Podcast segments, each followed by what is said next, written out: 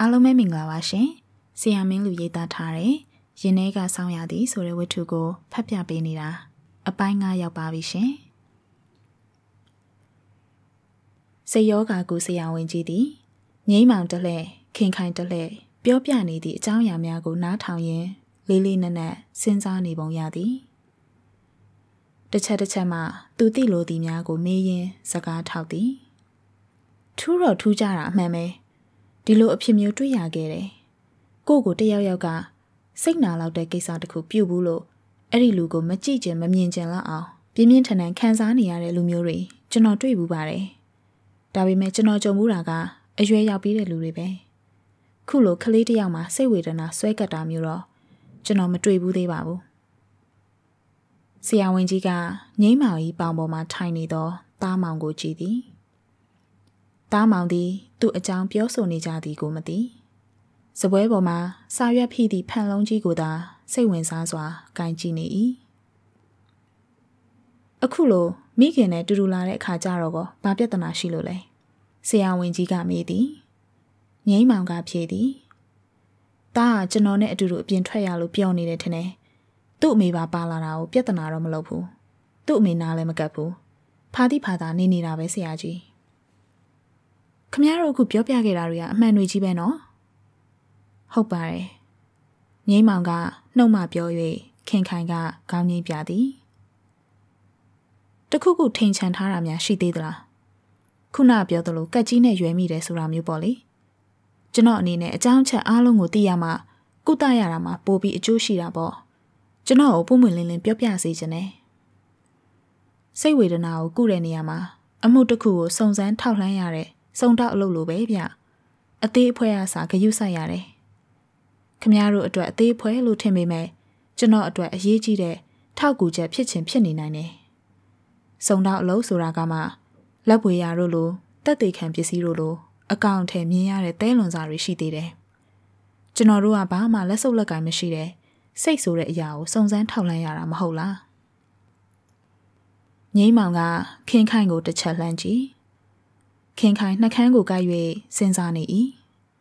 ထို့နောက်ကိုမအပြင်ခဏထွက်ပေးနိုင်မလားဘလို့မှတော့သဘောမထားနဲ့ကိုမောင်ရှိမှပြောလို့ထွက်မှာမဟုတ်ဘူးငိမ့်မောင်ကရပါတယ်ဟုပြောပြီးအခန်းအပြင်ထွက်သွားသည်တားမောင်ကလည်းငိမ့်မောင်နှင်လိုက်သွား၏ခင်ခိုင်ဘာမှမပြောသေးပဲအာယူနေရသေးသည်ကဲဆိုပါဦးဆရာဝန်ကြီးကစကားဆတော့မှ ကျမငယ်ငယ်ကတိတ်မျက်နှာငယ်ခဲ့ရတယ်ဆရာကျမတို့အဖိုးဟာငွေကြေးပြည့်စုံတဲ့အရာရှိကြီးတူပါပဲကျမတို့အမေကအဖိုးရဲ့ယုံကစရိတ်ကလေးတယောက်နဲ့ခိုးရလိုက်ပြီလို့အဖိုးကစွန့်ပစ်ထားခဲ့ပါတယ်အဖိုးဆုံးတဲ့အခါမှာကျမအမေရတင်ရထိုက်တဲ့အမွေကိုတခြားမောင်နှမတွေကမပေးပဲပိုင်စည်းလိုက်ကြတယ်ကျမအဖေဆုံးတော့ဒါနဲ့ဆရာကျမအခုပြောတာတွေကအခုကိစ္စအတွက်လိုမလိုအပ်ပါမလား ပြောတာပြောပါလိုအပ်တဲ့အပိုင်းရှိလာနိုင်ပါတယ်ခုနပြောသလိုပေါ့လေအဖေဆုံးတော့ကျမတို့သားမီးနှစ်ယောက်ခိုကိုးရမယ်ဖြစ်ခဲ့ကြရတာပေါ့အမေဟာသူ့မာနာနဲ့သူနေခဲ့ပေမဲ့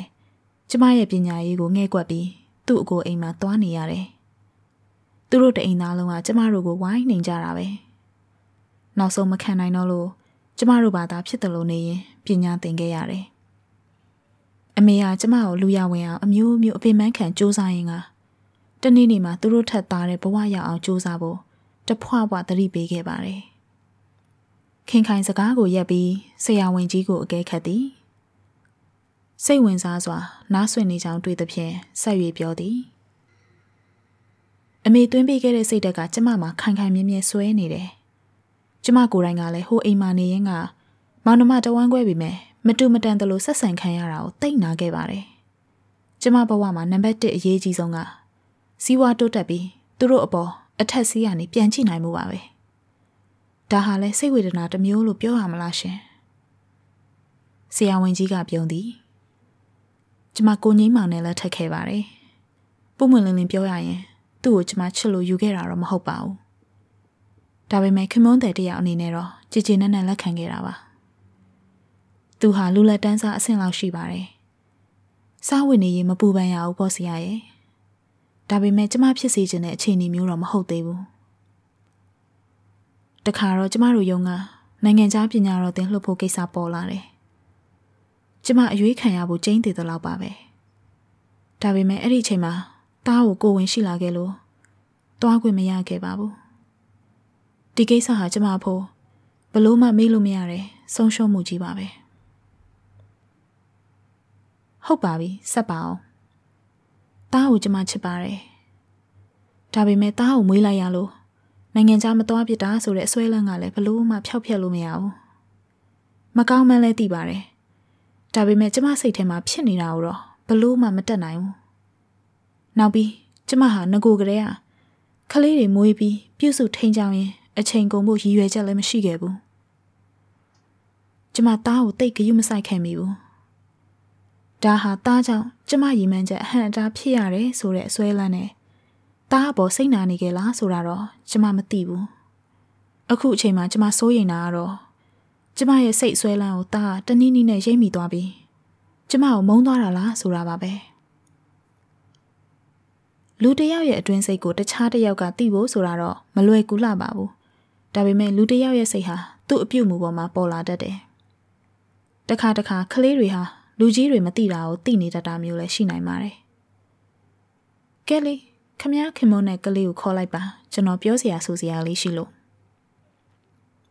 ငိမ့်မောင်နဲ့သားတို့ပြန်ဝင်လာကြသည်ငိမ့်မောင်ကိုရှောင်ခိုင်းပြီးမှပြောခဲ့ရသည့်အတွက်ခင်ခိုင်အနေရခံမိသည်ငိမ့်မောင်ကတော့ထူးခြားဟန်မပြခင်ခိုင်ကသူ့အပေါ်ဘလို့သဘောထားသည်ဖြစ်စေအရေးမကြီးခုချိန်မှာ တားမောင်ကိစ္စတစ်ခုတည်းကိုသာအာယုံဆိုင်နေပုံရသည်ဆရာဝန်ကြီးကစကားဆပြော၏ဖြစ်ပျက်ခဲ့သမျှတွေကိုခြုံငုံသုံးသပ်ကြည့်ကြရအောင်ကိုငိမ့်မောင်နဲ့ပတ်သက်လို့တော့ပြောစရာမရှိလာပါဘူးမက်ခင်ခိုင်ကိစ္စသာပြောရမှာပဲခင်ခိုင်ကိုတစ်ချက်ကြည့်သည်ခင်ခိုင်ခေါင်းငုံ၍မနေပဲဆရာဝန်ကြီးကိုပြန်ကြည့်သည် တော်တော်တော့စိတ်သက်ခိုင်မာတဲ့အမျိုးသမီးပဲဟုဆရာဝန်ကြီးစိတ်ထဲကမှတ်ချက်ချသည်မက်ခင်ခိုင်ဟာကလေးတွေနဲ့လက်ပွန်းတတိနေတတ်တဲ့အကျင့်မရှိဘူးဒါကြောင့်ကလေးကိုတိတ်ဂယုတဆိုင်မနေခဲ့ဘူးကလေးနေမကောင်းလို့ဆေးရုံတက်ရတဲ့အခါကျတော့နေမအိမ်ညမအိမ်ပြုစုယူရခဲ့တယ်ကလေးရဲ့စိတ်ထဲမှာအစကတော့မိခင်ဆိုတာဒီလိုပဲဖာတိဖာသာနေတတ်တာမျိုးလို့ထင်နေပေလိမ့်မယ်ဒါပေမဲ့မွေးရပါအတိအရတော့ မိခင်ရဲ့ယူရပိုက်ထွေးမှုကို မတိစိတ်ကတောင်းတနေလိမ့်မယ်ဒီအချိန်မှာဆေးရုံတက်ရပြီးမိခင်ရဲ့ဂယုဆိုင်မှုကိုတစ်ချိန်လုံးရလာတဲ့အခါအရင်ကတောင်းတခဲ့တာတွေကိုအတိုးချပြီးခံစားလိုတဲ့ဆန္ဒတွေဖြစ်လာတယ်။ဆေးရုံကဆင်းလာပြီးမိခင်ရဲ့ယူရမှုနဲ့ရုတ်တရက်ပြန်ကင်းကွာသွားတဲ့အခါကျတော့စိတ်ဒုက္ခကိုအပြင်းအထန်ခံစားခဲ့ရတယ်။မက်ခင်ခိုင်အပြင်ထွက်ခံနေထမိန်ကိုကက်ကြီးနဲ့ညှက်ပစ်တယ်ဆိုတာသူတတ်နိုင်တဲ့နည်းနဲ့ဆန္ဒပြတာပဲ။ သူ့စိတ်ဝေဒနာပောက်ကွဲတဲ့အချိန်ပေါ့။အဲ့ဒီအချိန်မှာမက်ခင်ခိုင်ကအော်ငေါက်ပြီးကက်ကြီးနဲ့ထိုးမဲ့သဘောရွယ်လိုက်တော့အရန်ကြောက်သွားရကတတိလစ်သွားတယ်။အဲ့ဒီမှာစိတ်ရောဂါဝင်လာတာပါပဲ။ဆရာဝန်ကြီးစကားခဏရက်သည်။ဆေးတံကိုစပွဲပေါ်တစ်ချက်နှစ်ချက်ခောက်ပြီးဆေးဖြည့်သည်။မီးညိပြီးတဖွာဖွာသည်။ဆေးတံမှာတငွေ့ငွေထွက်ဆဲဖြစ်သောမိโกများကိုကြည့်ရင် ကောင်းပြီ။တခြားကလေးတွေလည်းမိခင်ရဲ့အော်အော်ငေါ့အရိုက်အနှံ့ခံရဘူးတာပဲ။သူတို့ကြတော့ဘာမှမဖြစ်ပဲဒီကလေးကြမှာဘာဖြစ်လို့ဒီလိုဖြစ်ရတယ်လဲဖြစ်နိုင်တာကဒီကလေးဟာငကိုကလေးကအုံနောက်ဖွံ့ဖြိုးမှုနှိမ့်ကြတဲ့ယောဂဖြစ်နေတယ်သူ့အုံနောက်ဟာပုံမှန်မဟုတ်ဘူးဒါကြောင့်စိတ်ဝေဒနာဝင်လာရတယ်လို့ကောက်ချက်ချရမှာပဲဥပမာခရိုင်းရိုင်းပေးရရင်လူတယောက်ရဲ့ပြင်းပြင်းထန်ထန်ရိုက်နှက်တာခံရဘူးတဲ့ခွေးတကောင်ဟာ အဲ့ဒီလူကိုဆွဲဆွဲမြင်းမြင်းမှတ်ထားပြီးမြင်လိုက်တာနဲ့ဟောင်းတယ်လို့ပဲဒီကလေးရဲ့အသိဉာဏ်ကနှိမ့်ကြနေတော့စင်ကျင်တုံတရားလဲလျော့ပါပြီးစိတ်ထဲဆွဲမိဆွဲရာဆွဲသွားတာပဲလို့ဆိုနိုင်တယ်ခင်ခိုင်တက်ပြင်းတစ်ချက်မတိမတာချသည်ငိမ့်မောင်ကတော့သူ့ပောင်ပေါ်တင်ထားသောတားမောင်ကို ပို၍တင်းကျပ်စွာဖက်လိုက်မိ၏ကဲဘာကြောင့်ဖြစ်ရလဲဆိုတာတော့ခံမှန်းလို့ရပြီဆိုပါတော့ ဘလို့ကုသမလဲစဉ်းစားရအောင်ဆရာဝန်ကြီးမှာတခြားယောဂါကုဆရာဝန်တွေလို့မဟုတ်လူနာရှင်ကိုပါကူ၍စဉ်းစားဆုံးဖြတ်ခိုင်းသည့်သဘောပါနေသည်စေယောဂါကုဆရာဝန်တွေဟာဒီလိုပဲလားမသိဟုငိမ့်မောင်တွေးသည်ဒီကလေးမှာယောဂနှစ်ခုရှိနေတယ်တစ်ခုနဲ့တစ်ခုဆက်ဆက်မှုရှိတဲ့အတွက်တစ်ခုတည်းပဲလို့ပြောလို့လည်းရတယ်ဒီတော့ကျွန်တော်အနေနဲ့နှစ်ပိုင်းခွဲပြီးကုကျင်တယ် ပထမအပိုင်းအတွက်ကတော့နျူရိုကပေးထားတဲ့ဆေးတွေတိုက်နေတယ်မဟုတ်လားအဲ့ဒီဆေးတွေပဲဆက်တိုက်ပါအုံနောက်ဖွံ့ဖြိုးမှုရှိလာတာနဲ့အမျှဆက်ဆက်ပတ်သက်နေတဲ့စိတ်ဝေဒနာလည်းတက်တာလာမှာပဲကျွန်တော်အနေနဲ့စိတ်ယောဂါနဲ့ပတ်သက်တဲ့ဆေးတွေထပ်မပေးချင်တော့ဘူးကလေးဖြစ်စေခြင်းတဲ့အခြေအနေတစ်ခုကိုဖန်တီးပေးပြီးပတ်ဝန်းကျင်ကဝိုင်းဝန်းထိမ့်သိမ်းပြုပြင်ပေးတဲ့နည်းနဲ့ကုမယ်ဒီတော့အခုကိစ္စမှာအရေးကြီးဆုံးကမခင်ခိုင်မယ်ဆရာဝန်ကြီးက ခင်ခိုင်ကိုကြည့်၍ဆက်ပြောသည်ကလေးကိုသူ့နေခြင်းတလို့နေပါစေကိုဖြစ်စေချင်တာကိုအတင်းအကျပ်လုပ်မယူပါနဲ့တဖြည်းဖြည်းချင်းစီးယုံယူပါမက်ခင်ခိုင်အနေနဲ့ကလေးကိုတိတ်ချစ်တယ်ဆိုတာတစားတစားသိလာအောင်လုပ်ပါကလေးကိုပတ်ဝန်းကျင်နဲ့လည်းထိတွေ့ပါစေဒါမှတခြားမိခင်တွေဟာသူတို့သားသမီးတွေကိုချစ်ကြတယ်သားသမီးတွေကလည်းအမေကိုချစ်ကြတယ်ဒါဟာတဘာဝတရားပဲလို့ကလေးသဘောပေါက်လာလိမ့်မယ် ကိုမောင်ကိုမောင်ထဆမ်းမအောင်ခင်ခိုင်ကအလန်တကြားလေတန်းဖြင့်လှုပ်နိုးသောကြောင့်ငိမ့်မောင်လူးလဲထားသည်ဘာလဲတားမောင်ဘာဖြစ်တာလဲဟုချက်ချင်းပြန်မေးသည်တားမောင်အိပ်ရာထဲမှာမရှိတော့ဘူးဟင်ငိမ့်မောင်သူ့ဘေးကိုကြည့်၏တားမောင်မရှိဆောင်ကခြေရင်းမှာလုံထွေးနေသည်ဂရင်ပေါ်ကများကြသလား မဟုတ်ဘူးမရှိဘူးငိမ့်မောင်ဂရင်ပေါ်ကဆင်းရင်အခန်းတကားပွင့်နေပါလားဟုတ်တယ်ခင်အိမ်သာဝင်မလို့ထတော့တကားပွင့်နေတာတွေ့တယ်ဒါနဲ့မီးဖွင့်ကြည့်တော့တားမောင်ကိုအိပ်ရာထဲမှာမတွေ့တော့ဘူးငိမ့်မောင်ပြားသွားသည်အခန်းပြင်ထွက်ပြီးအိမ်ရှိတကားကိုပြေးကြည့်သည်တကားပိတ်ရတာဂလန့်တွေထိုးရတာ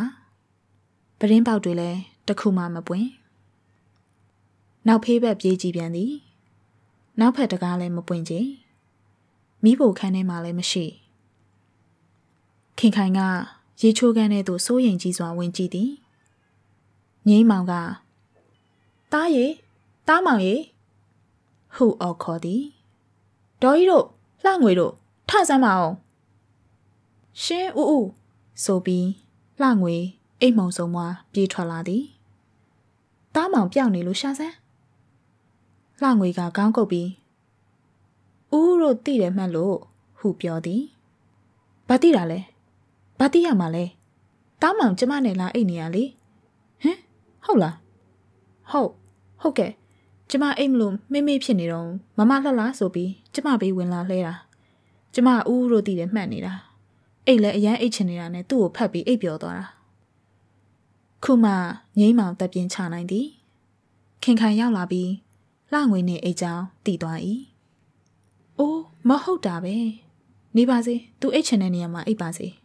ငိမ့်မောင်ကပြောသည်မနေ့ကျတော့ငိမ့်မောင်ကသားကိုမေးသည်တားကမမလှလှနဲ့ဘာလို့သွားအိတ်တာလဲအိတ်ချင်လို့ဖေဖေတို့နဲ့မအိတ်ချင်ဘူးလားတားကကောင်းခါသည်ပြီးတော့ကောင်းငိမ့်သည်ငိမ့်မောင်နားလေလိုက်၏တားငယ်သည် အဖေနှင့်အတူတူအိတ်ချင်သည် အမေနှင့်တော့မအိတ်ချင်ထိုကိစ္စခင်ခိုင်ကိုပြောပြသည်တို့ဖြင့်ခင်ခိုင်သည်ဂရင်တလုံးနှင့်တယောက်ထဲတီးချအိပ်ရလေတော့သည်တားနှင့်ငိမ့်မောင်တို့တကရင်အိတ်ကြသည်ခင်ခိုင်သည်ဆရာဝန်ကြီးအကြံဉာဏ်ပေးသည့်အတိုင်းလိုက်နာနေရသည်တားနာကိုကက်ခွင့်မရစကားလည်းမပြောရတခါတခါတားရည်ဟု အလစ်လှမ်းခေါ်ကြည့်သည်တားကရောင်ပြီးလှည့်ကြည့်တတ်သည်ခင်ခိုင်ကပြုံးပြတော့လဲတားကတီတီကြီးတစ်ချက်ကြည့်ပြီးလှည့်ထွက်သွားတတ်၏ခင်ခိုင်သည်တားကိုချစ်ကြောင်းမတိမတာမြင်သာအောင်လုပ်ပြရသည်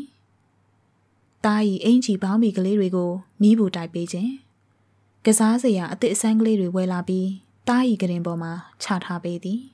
။တားကယူကစားနေပြီဆိုတော့မှ ငိမ့်မောင်ကအဲ့ဒါတားဖို့မမေဝယ်လာတာဟုပြောသည်။တခါတလေကျတော့ဘက်ထရီနှင့်သွားသည့်ကားလေးဝယ်လာပြီးခင်ခိုင်ကသူ့ဘာသာလွှတ်နေသည်ထိုအခါတားသည်တနေရာမှပုံပြီးချောင်းကြည့်နေတတ်၏ဒါကိုသိသောခင်ခိုင်ကတားပုံနေရနာသို့ကားလေးတမင်လှုပ်လိုက်သည်ကားလေးကတခုခုနှင့်တိုက်မိပြီးဆက်မသွားနိုင်မဲတကြီးကြီးအတန်မြည်နေသောအခါ တားမချစ်မရဲဖြစ်လာ၏ထိုအခါပုံနေရမှလှစ်ခနဲထွက်လာပြီးကားလေးကိုခင်ခိုင်ဘက်ဥပြန်လှည့်ပေးသည်ခင်ခိုင်ကရည်၍တားကစားခြင်းကစားလေဟုပြောပြီးရှောင်ထွက်ပေးလိုက်သည်ငိမ့်မောင်ကလည်းတားကိုမိခင်မြတ်တာပြသောပုံပြင်များကိုပြောပြသည်တားသည် လုံးစီပတ်စီနားမလဲသည့်တိုင်မိခင်တွေကတားသမီးကိုချစ်တတ်ကြောင်းကိုတော့ ရိပ်မိတန်ရ၏နိုင်ငံသားမှလာသောကလေးစာအုပ်ကလေးတွေလည်းဝယ်လာပေးသည်ထိုစာအုပ်များထဲတွင်တားအမိကစားနေကြပုံမိခင်ကတားကိုလက်ဆွဲ၍လမ်းလျှောက်နေပုံတားအမိပျော်ရွှင်နေကြပုံတို့ပါသည်တားမောင်ကိုပတ်ဝန်းကျင်နဲ့လည်းထိတွေ့စေသည်တခြားမိခင်များနဲ့သူတို့သားသမီးများဆက်ဆံရေးကိုတားအနေဖြင့်သိရှိစေရန်ဖြစ်၏ သူတို့အိမ်နေကက်လျက်မှာကကလေးမရှိညာဘက်အိမ်မှာအဖိုးကြီးအဖွားကြီးလင်မယားနဲ့သူတို့၏သားနှင့်ချွေးမတို့သာရှိသည်သားနှင့်ချွေးမကလည်းသားသမီးမထွန်းကဘဲဘက်အိမ်ကြပြန်တော့လဲကလေးငယ်မရှိလူပြိုပေါက်အပြိုပေါက်တွေကြီးရှိသည်လမ်းထဲရှိတခြားအိမ်တွေကိုလည်းအရင်ကအဝင်အထွက်တိတ်မရှိခဲ့သဖြင့်တွားလေလို့မကောင်းကြ။တို့ဖြင့်ငိမ့်မောင်သူ့တငယ်ချင်းများ၏အိမ် သို့တားကိုခေါ်သွားရသည်။ထိုမိသားစုများပျော်ပျော်ပါပါတိုက်တိုက်ဝန်းဝန်းနေကြပုံများကို တွေ့မြင်စေသည်။ဒီလိုဂယုတဆိုင်ပြုစုခြင်းဖြင့်တား၏အခြေအနေမှာအနှဲငယ်တိုးတက်လာသည်ဟုဆိုရမည်။တားသည်ခင်ခိုင်နာကိုမကတ်သေးတော့လဲခင်ခိုင်ကချောကလက်များဝယ်လာပေးပြီးလျင်အရင်လိုမယူဘဲနေတာမျိုးမဟုတ်တော့ပဲဆက်ခနဲဆွဲယူပြီးလှည့်ထွက်သွားတတ်သည်ဒီထူးခြားမှုကလေးကိုပင် ငိမ့်မောင်ကဝမ်းသာ၍မဆုံးချေခင်ခိုင်ကတော့တိတ်ဝမ်းမသာနိုင်သူသည်ဟိုအရင်သားအပေါ်ဖားတိဖာသာနေခဲ့စဉ်ကဘာမှသတိမထားမိခုလိုသားကသူ့အပေါ်ပြန်ဆင်းကားလာတော့မှအယမ်းခံစားလာရသည်သားကသူ့ကိုရှောင်လေသားနှင့်ရင်းရင်းနှီးနှီးနေခြင်းလေးဖြစ်လာ၏တခါတခါမချစ်မရဲဖြစ်လာပြီးသားကို အတင်းပွေဖက်မှွေရမ်းပစ်လိုက်ခြင်းသည့်စိတ်ကိုမနှဲချုပ်တီးထားရ၏ညသားမောင်အိပ်ပျော်သွားပြီဆိုမှသား၏လက်မောင်းကလေးကိုအသားအရာပုတ်သက်သပင်ကလေးကိုကင်ကြည့်ပါးကလေးကိုခတ်ဖောက်ဖွာမှွေးရင်သားမောင်ကိုမေမေသိချစ်ပါရဲ့သားရဲ့ဟုသား၏နာနာကပ်၍တူတူကလေးပြောရသည်ထိုအခါတိုင်းသူမျက်ရည်ဆိုလေသည်